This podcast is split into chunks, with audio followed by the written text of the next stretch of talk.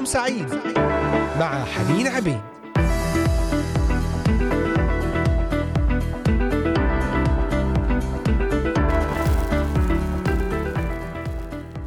أهلا بكم أحبائي المستمعين في حلقة جديدة في لقاء جديد ضمن برنامج نهاركم سعيد.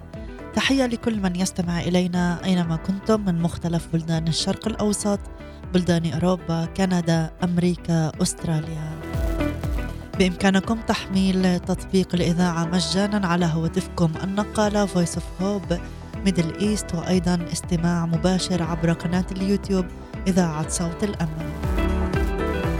ومتابعتنا عبر صفحة الفيسبوك إذاعة صوت الأمل وكتابة تعليقات مشاركات آيات وأفكار طلبات صلاة بكل سرور نرحب بكم أيضا عبر منصتي التليجرام والإنستغرام Voice of Hope وعبر منصات البودكاست المختلفة أنغامي Spotify Deezer SoundCloud Apple و Google Podcast و Amazon Music و Castbox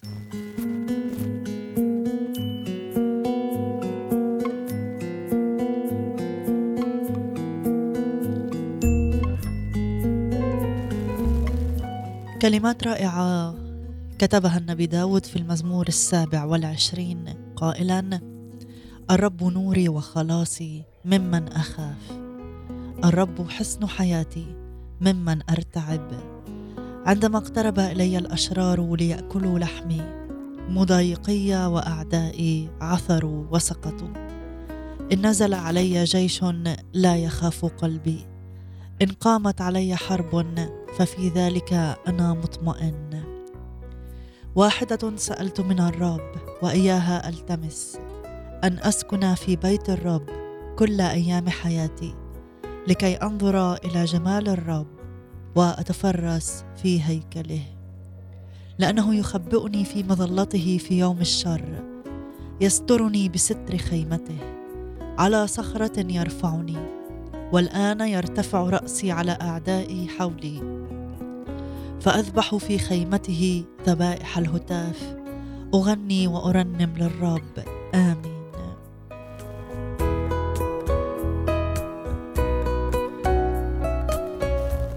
الرب نوري وخلاصي ممن أخاف. عندما اجتمع علي أعدائي مضايقي عثروا وسقطوا.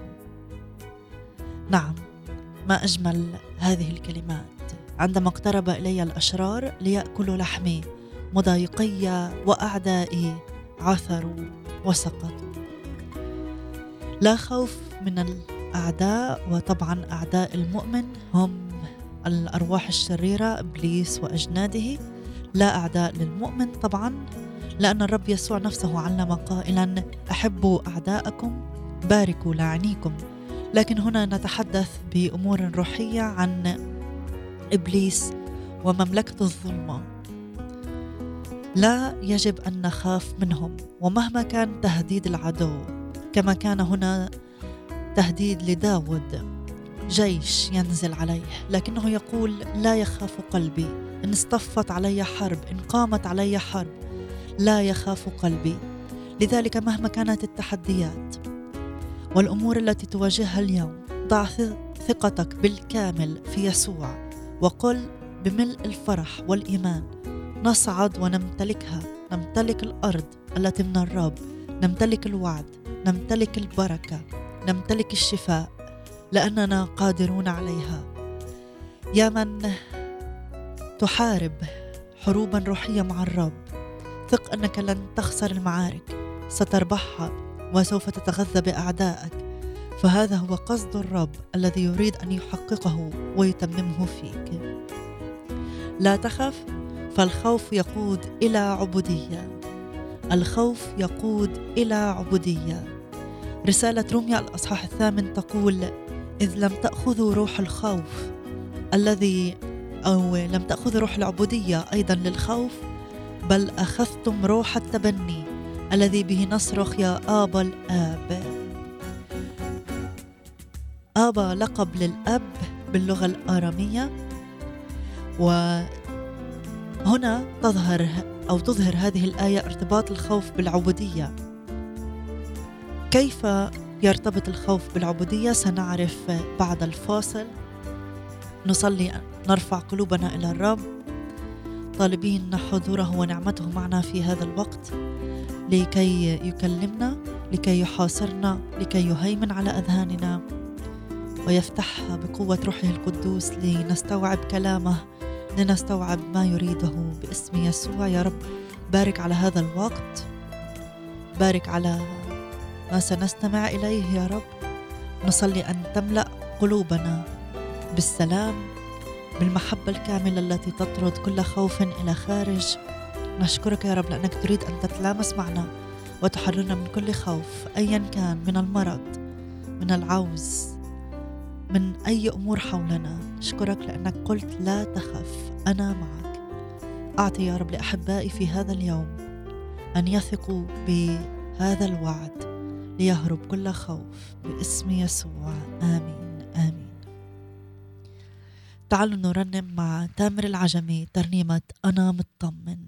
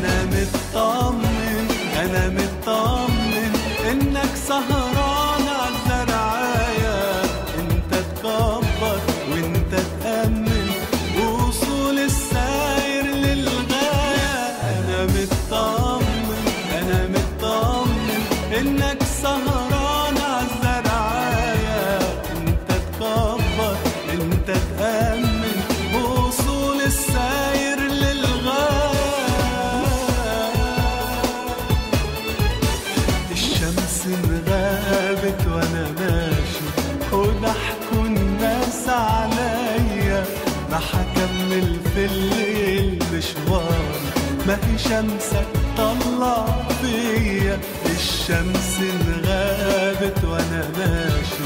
وضحكوا الناس عليا. راح أكمل في الليل مشواري ما هي شمسك؟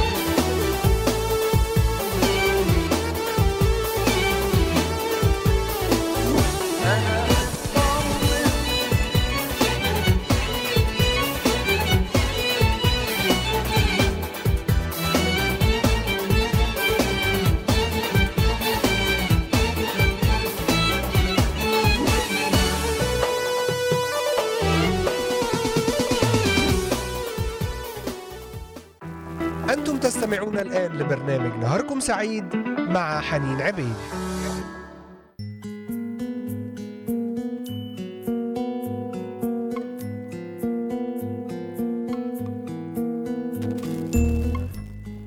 نعم عزيزي المستمع عزيزتي المستمعة اعلنوا إيمانكم. أنا مطمن أنا مطمن. مهما كانت الظروف مهما ساءت الأحوال مهما صعبت واشتدت الضيقات أنا مطمئن. ففي ذلك أنا مطمئن. لأن الخوف أحبائي يقود إلى العبودية والآية التي قرأناها قبل الفاصل تقول إذ لم تأخذوا روح العبودية أيضا للخوف بل أخذتم روح التبني الذي به نصرخ يا آبا الآب هذه الآية تظهر ارتباط الخوف بالعبودية. فإبليس يريدك أن تخاف منه أن تخاف من أعماله. لماذا؟ لأن الخوف يقودك إلى العبودية. الآية في سفر الأمثال الأصحاح التاسع والعشرين تقول خشية بمعنى خوف خشية الإنسان تضع شركا فخا. خوف الإنسان يضع فخا له. الخوف يعني أنك تشك في كلمات الله المسجلة في كتابه. يعني أنك تشك في هزيمة إبليس التي حدثت فوق الجلجثة. يعني أنك تشك في أن الله الضابط الكل هو أبوك الذي يسدد كل احتياجاتك بحسب غناه بالمجد.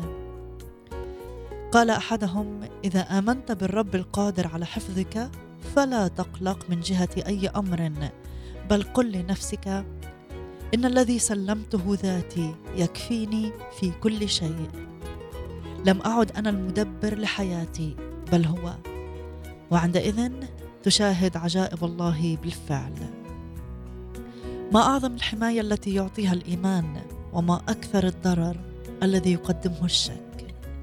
الشك يعطي لإبليس الحق في أن يحول تهديداته لنا إلى واقع مدمر لسلامنا ومعطل جدا لتأثير شهادتنا. هل أنت للمسيح؟ هل تثق أنك افتديت بدمه الثمين؟ هل تفرح لأنه أجلسها واجلسك معه في السماويات؟ من يقدر اذا أن يخيفك وأي أمر يقدر أن يزعجك؟ هل تحيا أيامك خائفا أن تصاب بمرض أو أن تقع لك حادثة مؤلمة؟ هل دعاك المسيح إلى القلق حتى تحيا قلقا؟ دعاك إلى السلام الكامل والطمأنينة الكاملة والفرح العظيم. ألا تعلم أن هذا القلق يعطي الفرصة لإبليس لكي يؤذيك؟ متى هاجمك إبليس بحروب القلق؟ قل لنفسك لن أصدق العدو ابدا. فرب يسوع قال لي في كتابه حبيب الرب يسكن لديه آمنا. حبيب الرب يسكن لديه آمنا يستره بستره طول النهار وبين منكبيه يسكن. ألا تكفيك هذه الآية؟ إنها كلمات صادقة. تمسك بها. ولا تدع أي فكر يعطل سلامك في الرب. لا تخشى المرض لا تخشى أن يصيبك إبليس بحوادث لكن قل أنا محمي في ستر الرب طول النهار وأيضا طول الليل. لا تخشى أيضا من حسد الآخرين وتسعى لأن تبدو أقل مما أنت حقا فيه. لئلا يحسدك البعض. فاعلم أن هذا الخوف يضعفك. أمام قوى الظلمه ويجعل الحسد بالفعل مؤثرا فيك. وقد يأتي إبليس لك في موقف ويلح عليك أن تكذب أو أن تفعل امرا ضد محبة الآخرين محاولا أن يقنعك بأن هذا هو الطريق الذي تنقذ به نفسك من خسارة مادية محتملة أو من وضع محرج. عزيزي تأكد أنك لن تتعرض ابدا لخطر يوازي الخطر الذي يأتي عليك عندما لا تثق بالرب فتكسر وصاياه ظنا أنك بها ستحمي نفسك. ظنا أنك بهذا العمل ستحمي نفسك. تقول كلمات الرب بكل وضوح مخافة الرب للحياة مخافة الرب للحياة. يبيت شبعان لا يتعهده شر. بر المستقيمين ينجيهم. آمين آمين. سنكمل في أمثلة أخرى بعد هذه الترنيمة مع مدحت رشدي دموعي في المخادع.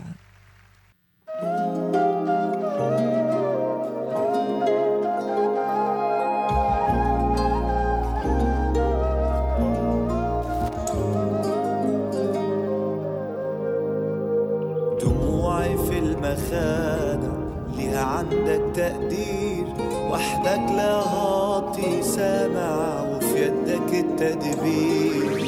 دموعي في المخادع ليها عندك تقدير. وحدك لا هاطي سامع وفي يدك التدبير.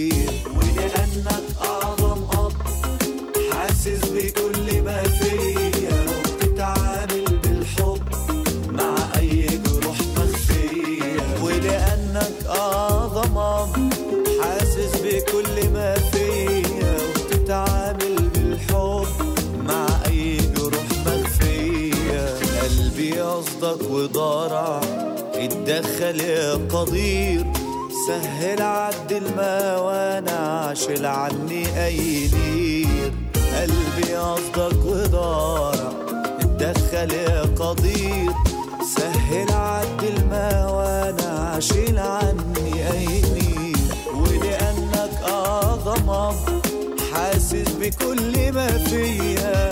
بتعامل بالحب مع أي جروح مخفية. حاسس بكل ما فيا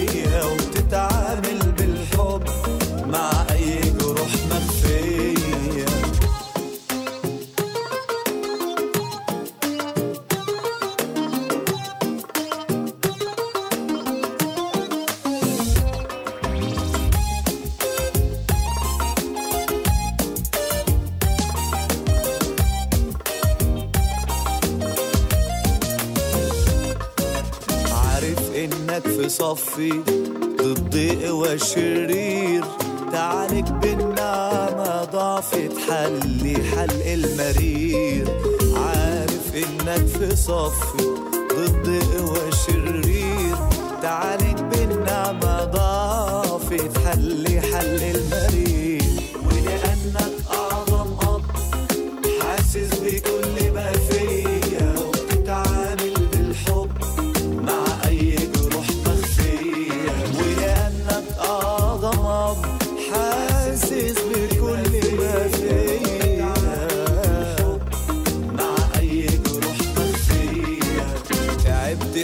وراجع.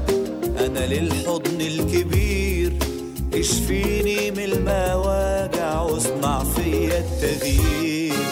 تعبت خلاص وراجع. أنا للحضن الكبير اشفيني من المواجع واصنع فيا التغيير.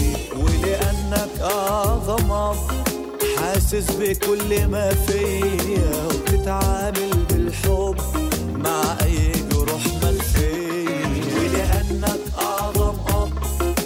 حاسس بكل ما فيا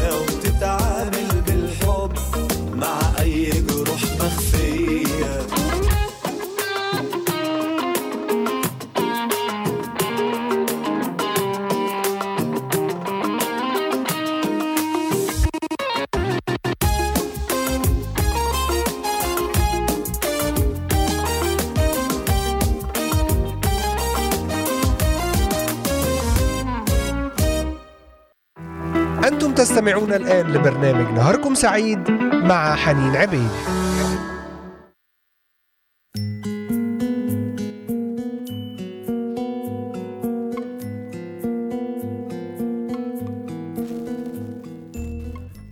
ولأنك أعظم أب حاسس بكل ما فيا. هذه الآية الرائعة التي ذكرناها من رسالة روميا التي فيها معنى رائع عن روح العبودية للخوف. أننا لم نأخذ روح العبودية للخوف بل أخذتم روح التبني الذي به نصرخ يا آبا الآب لأنك أعظم أب حاسس بكل ما فيا تتعامل بالحب مع كل جروح مخفية.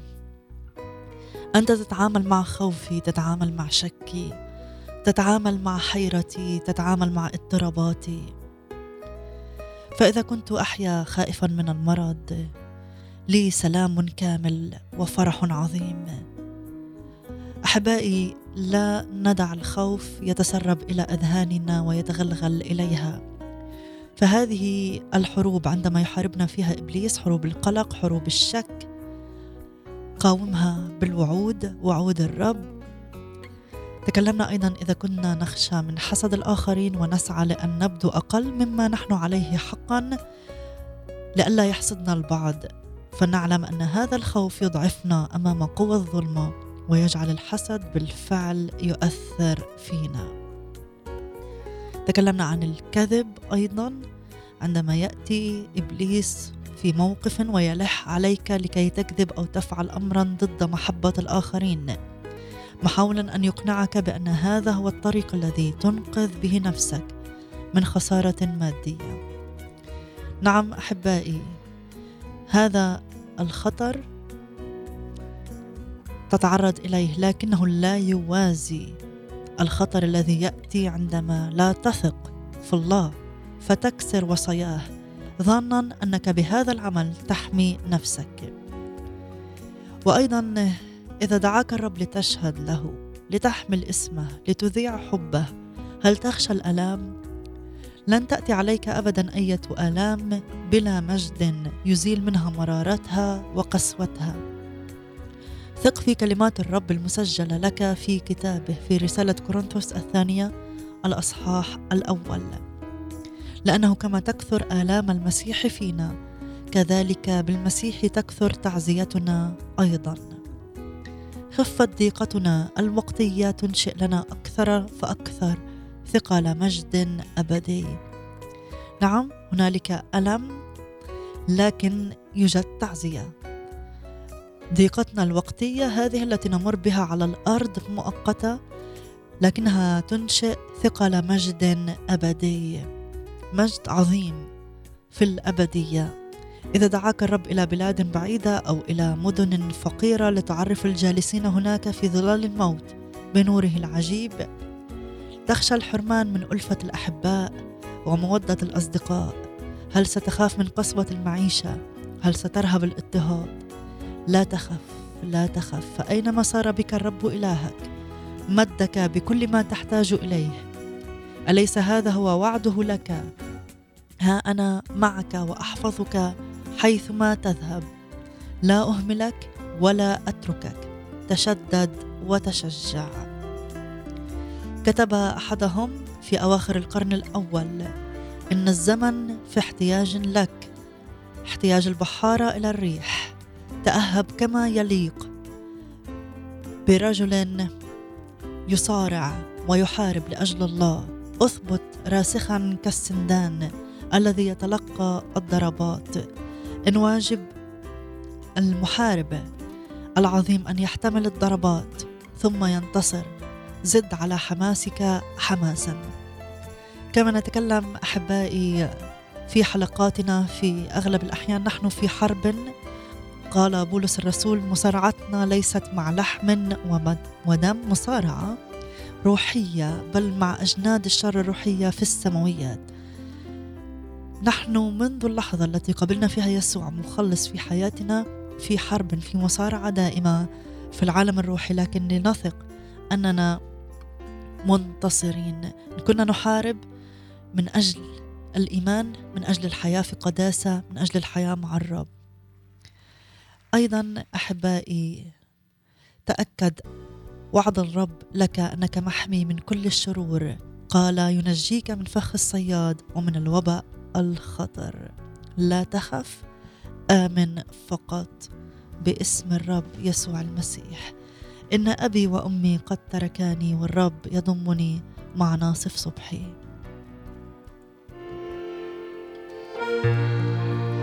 إن أبي وأمي قد تركاني والرب يضمني.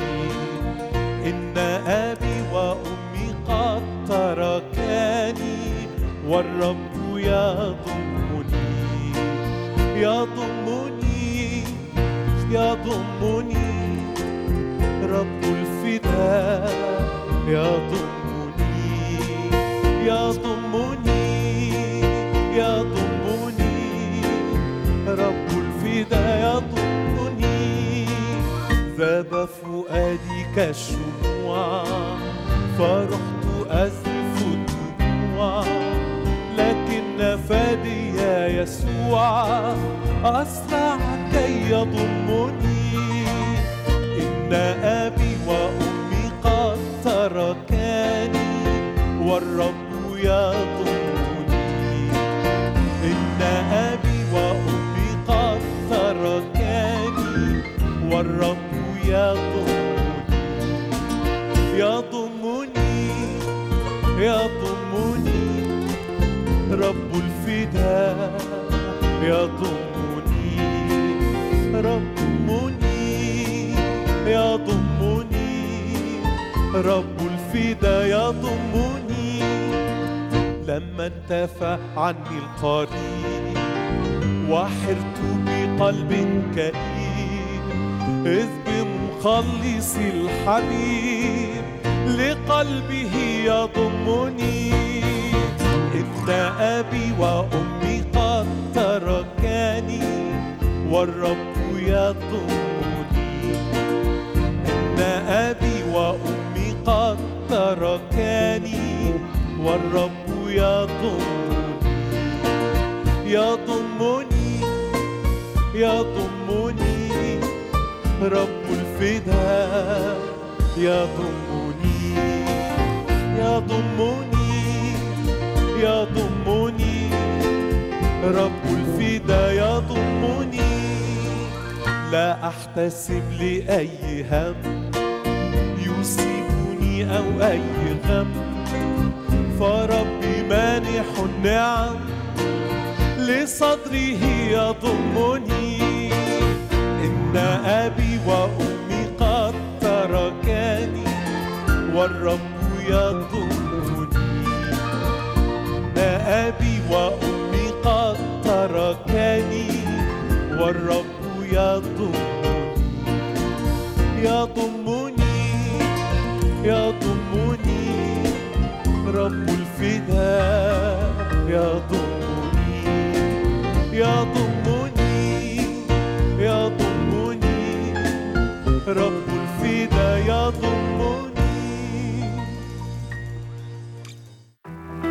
تستمعون الآن لبرنامج نهاركم سعيد مع حنين عبيد.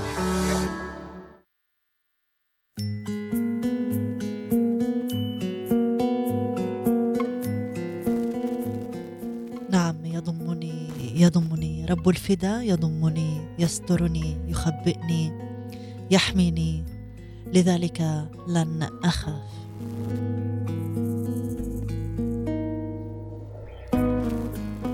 لا تخف آمن فقط. ما أجمل هذه الكلمات التي نطق بها الرب يسوع لأبو الولد الذي كان يسرع يسرعه الشيطان ويطرحه إلى الأرض. لا تخف آمن فقط. آمن أن الأعداء هم خبزك كما تحدثنا في حلقة سابقة. قوة الإيمان تبطل الخوف فالإيمان والخوف قوتان متضادتان. الإيمان هو طريقة الله لتقويتنا والخوف هو طريقة إبليس لاستعبادنا. الإيمان هو طريقة الله لتقويتنا والخوف هو طريقة إبليس لاستعبادنا. القصة التي سجلها إنجيل متى في الأصحاح الرابع عشر عندما كان التلاميذ داخل القارب حين أتى يسوع لهم سائرا على الماء. قال له بطرس مرني أن آتي إليك على الماء. أجابه يسوع تعال. نزل بطرس من السفينة ومشى على الماء ليأتي إلى يسوع ولكن لما رأى الريح شديدة خاف وإذا ابتدأ يغرق صرخ قائلا يا رب نجني. في البداية نجح بطرس أن يسير على المياه بالرغم من أن هذا أمر ضد قوانين الطبيعة. نجح لأنه اعتمد على أمر الرب يسوع تعال. آمن في كلمته التي سمعه سمعها منه وثق في صدقها فلم تستطع الرياح أن تفعل له شيئا. لكن ما إن حول عينيه عن وجه الرب المطمئن وبدأ ينظر إلى الأمواج حتى بدأ يخاف. فلما تملك الخوف قلبه ابتدأ في الغرق. في البداية آمن. وثق في صدق كلمات السيد. ماذا كانت النتيجة؟ انتصر. سار فوق أمواج مملكة الظلمة المرعبة. ولكن ماذا حدث عندما خاف؟ فقد قوته فقد سلطانه فبدأت الأمواج في ابتلاعه. الإيمان يجعلك تنتصر والخوف يضيع منك النصر. الإيمان والخوف قوتان متعاكستان تحارب كل منهما الأخرى. ولو كان بطرس قد استرجع إلى ذهنه كلمة الرب له تعال وتمسك بها. والتفت إلى روح الخوف الذي هاجمه وانتهره لأكمل سيره على المياه ولم تهزمه قوى الظلمة. لا تخف. عزيزي المستمع عندما يقول لك الرب يسوع كلمة مثل ما قال لبطرس تعال تمسك بالكلمة تمسك بالوعد. مهما علت الأمواج ثبت ناظريك على يسوع. امشي معه على الأمواج. ستختبر النصر والغلبة والبركة. لا تحول عينيك عن يسوع. لئلا تقع في المياه. لئلا يقوى الموج عليك. صلي إلى الرب أن تبقى عينيك ثابتة.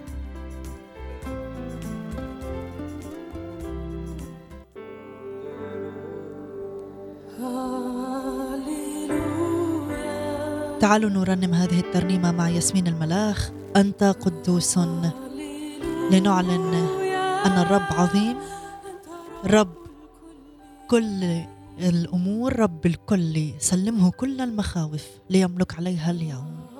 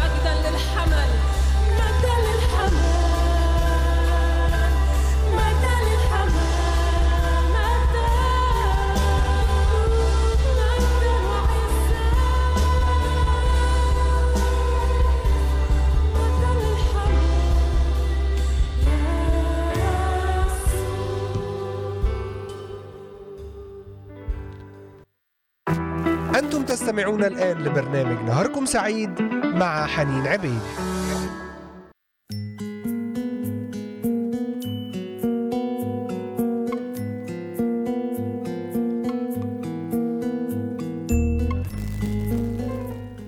نعم ذكرنا قبل الفاصل الإيمان يجعلك تنتصر والخوف يضيع منك النصر. الإيمان والخوف قوتان متعاكستان تحارب كل منهما الأخرى. لا تخف بل آمن.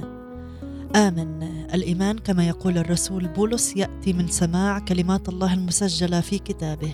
الإيمان بالخبر والخبر بكلمة الله. أعطي وقتا كافيا لقراءة الكتاب المقدس. نعم أحبائي هذه حقيقة وهذه النصيحة. لابد أن تكرر بين الحين والآخر. أن نقرأ الكتاب المقدس أن نهتم بكلمات الله. نقرأ الكتاب كثيرا. نبحث عن كل وعود الرب التي سجلها في صفحات الكتاب. نتأمل فيها باستمرار. وهكذا نمتلك الإيمان. لا تنسى أنها كلمات الملك ملك الملوك. وحيث تكون كلمة الملك فهناك سلطان كما جاء في سفر الجامعة الأصحاح الثامن.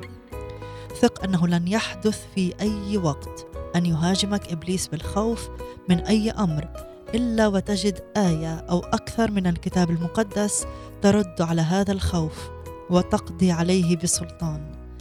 الإيمان يأتي من سماع كلمات الله والتأمل فيها والخوف أيضا يأتي من السماع والتأمل. لكن أن تسمع وتتأمل في أكاذيب إبليس وبقدر ما تردد المخاوف التي يتحدث بها إبليس إليك بقدر ما يتعمق الخوف فيك وبقدر الخوف بقدر ما تكون العبودية. بقدر الخوف بقدر ما تكون العبودية. كثيرون يقضون وقتا طويلا في التفكير مع أنفسهم أو في الحديث مع أصدقائهم عن أمور سيئة لم تحدث. لم تحدث كما لو كانت قد حدثت بالفعل. وما النتيجة؟ يمتلئون بالخوف فيعطون لإبليس حق تحويل ما يخيفهم منه إلى واقع. احبائي الخوف هو قوة إبليس المدمرة. هو يريدنا أن نخاف منه أو من أفعاله. الخوف يقودنا إلى العبودية. يفقد الذهن صفاءه والقلب راحته ويصيب الجسد بالأمراض. كثيرا ما يظهر إبليس لنا كالأسد زائرا. لماذا؟ لكي نرتعب منه. لا تخف منه مطلقا فالرب قد جعل هذا الأسد خبزا لك. تذكر شمشون حينما أتى للقائه شبل آه، شبل أسد يزمجر؟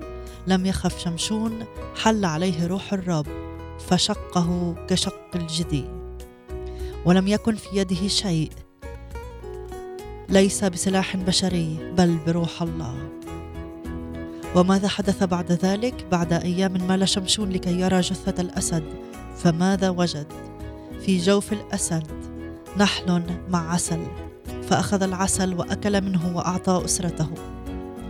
في هذه القصة مغزى عميق سوف نحارب الأسد الزائر إبليس وننتصر عليه بقوة الروح القدس. وماذا أيضا؟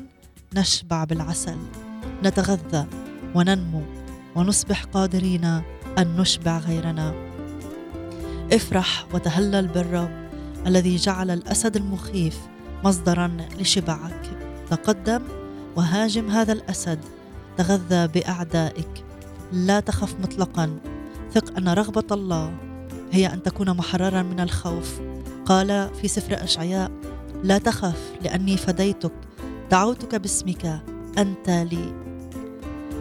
لماذا لا أخاف؟ لأن الرب قال لي قد فديتك. الله يأمر كل إنسان مفدي بالدم الثمين أن لا يخاف مطلقا لا يخاف من إبليس وأجناده. عندما يقول الرب لي شيئا بكل تأكيد سيعطيني القدرة أن أفعله وأطيعه. إذا هاجمك إبليس باية مخاوف التفت إليه وانتهره. مرددا كلمات داود العظيمة الرب لي لا أخاف. ليس للخوف أي سلطان. آمين. آمين. آمين. باسم الرب يسوع ننتصر ونتحرر من كل مخاوف. لا نخاف. الرب سيأتي إلينا حتما ماشيا على الأمواج حتى لو في الهزيع الرابع. تعالوا نختتم مع هذه الترنيمة المباركة من المرنمة الرائعة ليديا شديد في الهزيع الرابع. أشكركم جزيل الشكر على المتابعة والإصغاء. نلتقي بنعمة الرب بحلقة الغد. لكم مني أجمل وأطيب تحية.